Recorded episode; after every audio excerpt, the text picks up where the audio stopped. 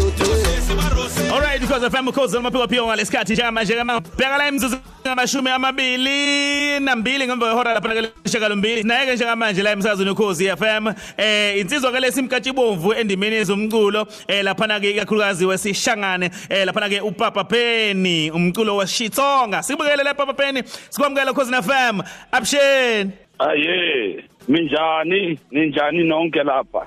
Uyaphila baba Hayi siyaphila, siphukile zonke. siyaphila siyaphila nathi siyajabula kakhulu sibe nawe emsakazweni ukhozi FM Yebo, bonga mina ikuinvitewa kuKhoze FM. Eh, santsakisa kuyangijabulisa ukuthi ngikhulume na bonke Alright, abantu eh, abalaleli baya Khoze FM namhla kuseni. Mina ngu Kezani Eric Giyani Nkobani Penny Penny Papa Penny aye. Mm.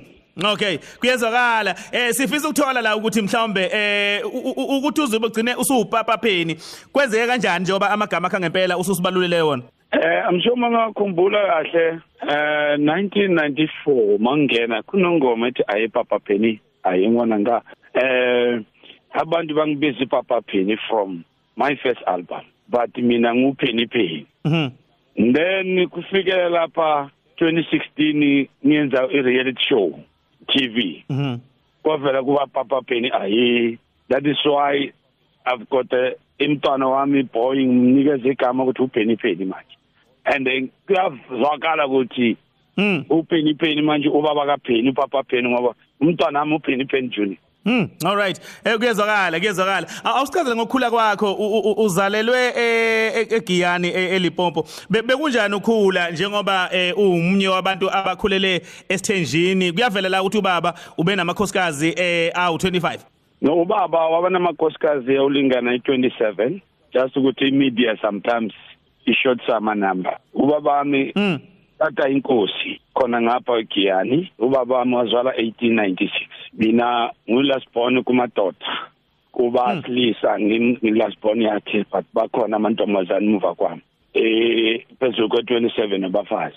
Eh kukhuleni kwami ngakhula Yeah. ngingani le ukuthi ubaba mashona bangisemncane baba wamshona 1965 baba sebonke bomama bahamba nabantwana babo back to home. Manje umama wami lwasaphilayo namhlanje she's 94 years. Baba senaye uhamba nabantwana bakhe eh kathi baningi umama wahluleka i-support. Mina ngaqala ekwazi umlungu ngo1968 ngisemncane i was 10 years. Mhm. ayosebenza emaplazini ngisemncane nje ngibangilandele umama phela.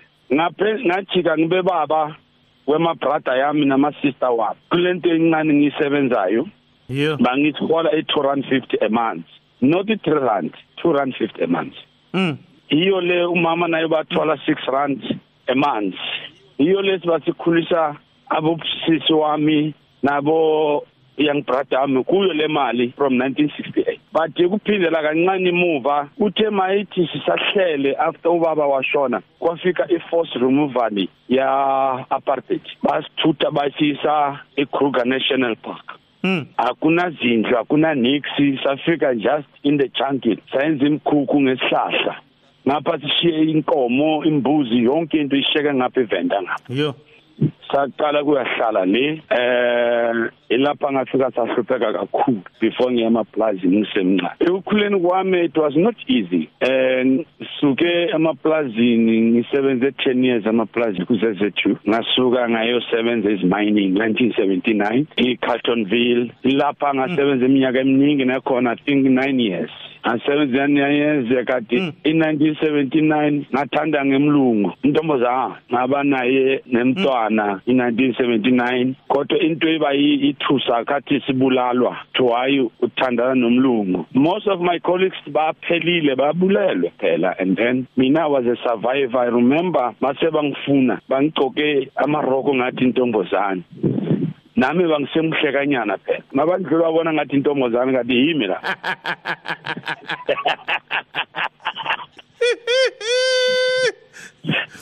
Eh ilapha ngasinda khona eh ngabalekela eJoburg.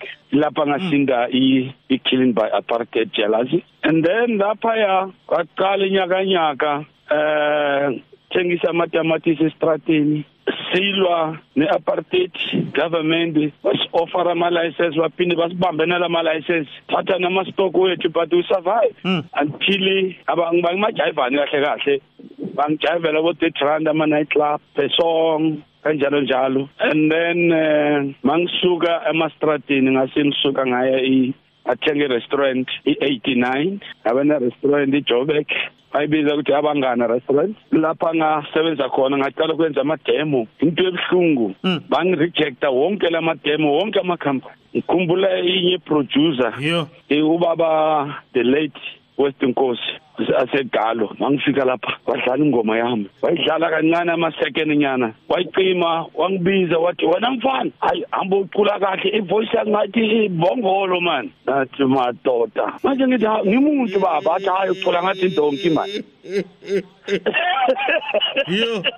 Hey, it was tough. It was tough. And then that is why the way back ama artists were quality. Ngoba siwasisefiwa yeah very strong. But nevertheless, mangi reject ama company oko I never give up.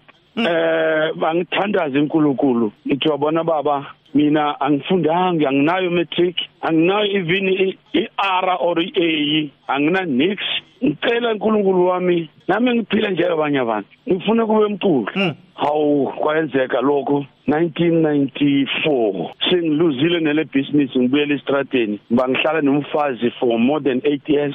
Ngithe mangiwa yonke into enyamalele kanjalo. Hawu intombi yajika. Yathi hayi wemshangana hayi khona. Mina angisakuthanda usebenzi Mhm. awenzi nix futhi aba- bathi awazi nokucula ujika jika ngema studio ngithi "Ah, but isithandwa sama. Mm. Wazi ukuthi ngiyadabalaza athi hayi hamba utabalazela bakini okay. Wahamba wangishiya kanjalo. Hey, ulethe. wangenzela more problems athi ngizothini? Anginandawo yokulala. Ngayofuna imisebenzi on my ex company ishandel music. Mangifika lapha bangicasha after lo sesi wangiyeka isunday yekhona manje ngaqashwa njenge-cleaner lapha ishandel music. And then ngaqala ukusebenza very hard. Ngatshela umunye we-engineering ngithi you know angifuni umsebenzi. Kahle kahle ngifuna ukucuka athi hayi just usebenze nje. Um kuzoza ama-producer bazokubona. Hhayi ngamu- ngam- ngamlalela umlungu. Ngavela ngajoyelela ukuhlupheka lokubona bangi-businessman ithole ama-thousand ama-thousand. Ngasebenzela four hundred rand a month from my ex company Mm. okay. Sikwembu sikugadekisa. amandla esizwe sethu ayimpande yegugu lesizwe ukhozi FM lubungaza amagugu ethu ndza tinyungubyisa hi ndhavuko wa mina tanihi mutsonga wa xiviri ulwimi luyigugu. #ukhozi FM 60 mina ngidazi anitivi amukuniye kwi seni kona la icina so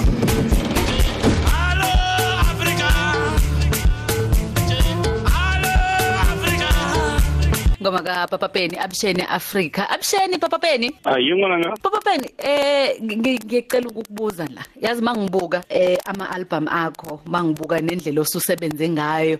Eh abe ngimthanda njalo umama Nomi uma engasafuni kuthatha mase kufika ama visitor ngawa understand kahle evakashile uma kaNomi umama Nomi ashintshe la ebusweni. Cela ungikhonzele kumama Nomi. Kodwa uma sibuka 26 years kwi industry ukuhlangabezana neinkinga zinethe imvula kube nje ya ulokhu uvuka. Wenza wenza ngani? Yazi omunye umuntu ngabe usathi hayi suka mana hayi ngeke hayi suka angiyeke. Eh wazi eh sesi wami mina ngumndoda inga give up here. If you are a leadership you don't have to give up. I'll give up because if you are a breadwinner once you give up ah, abantwana bonke balambe ifamily kunabantu muva kwakho laba uba supportayo athembe kuwe. Once you give up eh ubulala abantu abaningi. And impilo ufane ube serious ngempilo ngoba mawuzoba khona kulomhlaba i- awuzange ubekwe ukuthi uzoba khona izilaki sibe khona thina sikhuluma njengamanje but make sure ukuthi kuba kuwe la emhlabeni lo ufane usebenze leave legacy behind people. Do something ukhulunywe ngawo hayi just wena ufuna ukuphela ibheki no no. Umunye nomunye abekhona kulomhlaba you must work hard mina umama Nomi uyangi-understand Ungitha- ung- ungithande i-musician and then uh, uya-understand ukuthi ubaba mayaphuma kanje uye emsebenzini. And i'm very good with my wife. Angilali phansi mina nje makuthi ngiyama-meeting ngihlala nje ngiyenza i-committee ne- ne-family yami ukuthi ihlale sijabulile. Yes singabantu senza ama-mistake but ma uyenza i- ilithando kumfazi wakho ma uyenze icala kumfazi wakho sicolisa nikhomeleni kulaleleni mani that is much better. Indoda efanele icolise ma yenze mistake kumfazi wayo. And then i-life is come better and better. Ngoba abantu bayiphuma bajabulile. Yonke into iyajabula ye. Pap- Eh papa Penny u u- ubani okwenzini wena? oh isandla seyi-one only. Omunye umzala wami anginasaloni endlini yami. Angiyi emasaka isandla seyi-one sinenza ekhanda ah angifuni ikhanda lami. Umunye nomunye alibambe abambe is very special head Bengifisa bengifisa ukungena la we- we- wengcebo. Bafethu. Cha i-hairstyle i-hairstyle yakho eh ba- ba- ba- bayithanda kakhulu abantu. Eh i- ingenye ama hairstyle ngempela uyayibona nasenkundleni zokuxhumana lapha kuma social media eh i- i- kukhulunywa ngayo. Bayayithanda ngendlela mangalisayo abantu. Simshayela ihlombe umzala uyayishaya into yakhe. 26 years 26 aphuma years. amasesheni angishiya nginje. Yo madoda.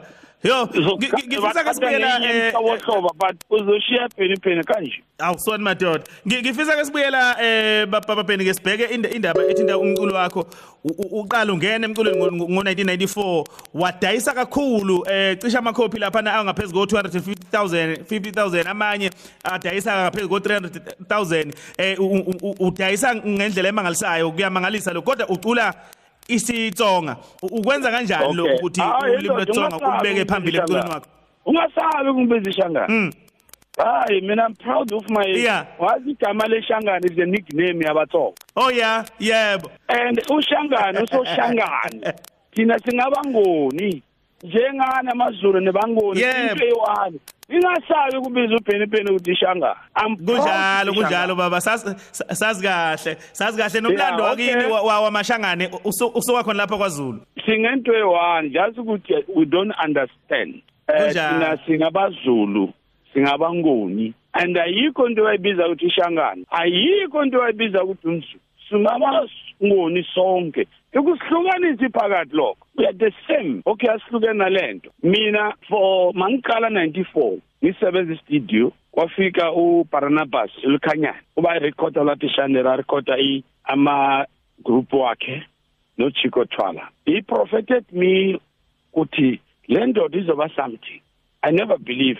Mazohamba. The same year ngaba penny penny. It was very surprised. And angithengisa ngu-250 or 300 i'm the first artist to sell up over 1 million copies. Ngoba yavala from Giyani to Cape to KZN kuba ku aye papa pen everywhere. The problem ikampani ngaba kuyo iba ivule ama two account. Wabona lama ama uh, apartheid company ekudala. Kathi basidla kakhulu. That's why ubona ama artists will remain poor. Basidamage kakhulu ama company eh ngathengisa over 1.3 million. Le ngafika ngayithola late year kuma account yase company that's why ngavela bathi mina ngakhipha isibhamu.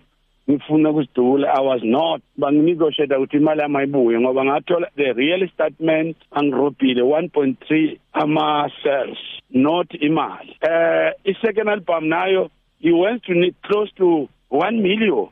Just ukuthi mawusebenza nama company arobhayo you cannot understand ukuthi the real sales yini ngalesikhathi. Ngoba they are not artists kathi badla ngathi ama artists but eh, ngiyajabula ngoba nanamhla ngisaphila i'm still igama lami balazi eh i-TV ngibuyisela igama kubantwana ba94 wakati basazi uPenny Penny. Eh i'm the legend but akhona ama legend angidlulayo mina ku music eh banoma 50 years eh, 60 years in the music. Ngisabahlonipha namanje. In- imculo wokuqala lo wang- wang- wangijabulisa ngapha u- usesi umama Margaret Singane. She was the best singer. Ngiyamkhohlwa anikhulumi ngaye. Why ningakhulumi ngaye? That is your legend is your hero anikhulumi ngaye. Kunjalo kunjalo. Niyajikajika ningene ngapha Kunjalo, baba. nithatha ingoma zakhe nizifaka kumafilimu.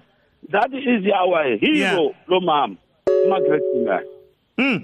Kuyezwakala kusekhona kufanele kwenziwe baba siyavuma. Yeah. No siyavuma siyavuma baba kufanele kube khona okwenziwayo impela uqinisile ngomama uMargaret Singana. Eh sesiphetha nje baba eh baba Penny sesiphetha eh ngifisa ukwazi into eyodwa la. Ubaba ube namakhosikazi awu27. Upapa Penny siyambona nethatha abanye abafazi ngoba ngathi uyimisela ukuthi uzale nje wena kuze kulamle eh igodi njengoba unezingane eziwu25 njengamanje sisakubona nithatha abanye abafazi uphinde uba nezinye izingane futhi? Eh wazi eh ungangizwa is- isongo sizwa phela kunabatsonga lapha eKZN ay. Eh ya kancane kancane. Okay. Eh babona mina ngeke ngithi ngicинile eh ukuba nabantwana ngoba ukudla umuntu udla every day. Ungeke ukuthi ah ngoba ngidle kakhulu ukudla angisadla from namhla until in nature ungeke you run away. Eh base khona abantwana emzimbeni wami. Usisi mangabhayizi kuphuma ebenefit.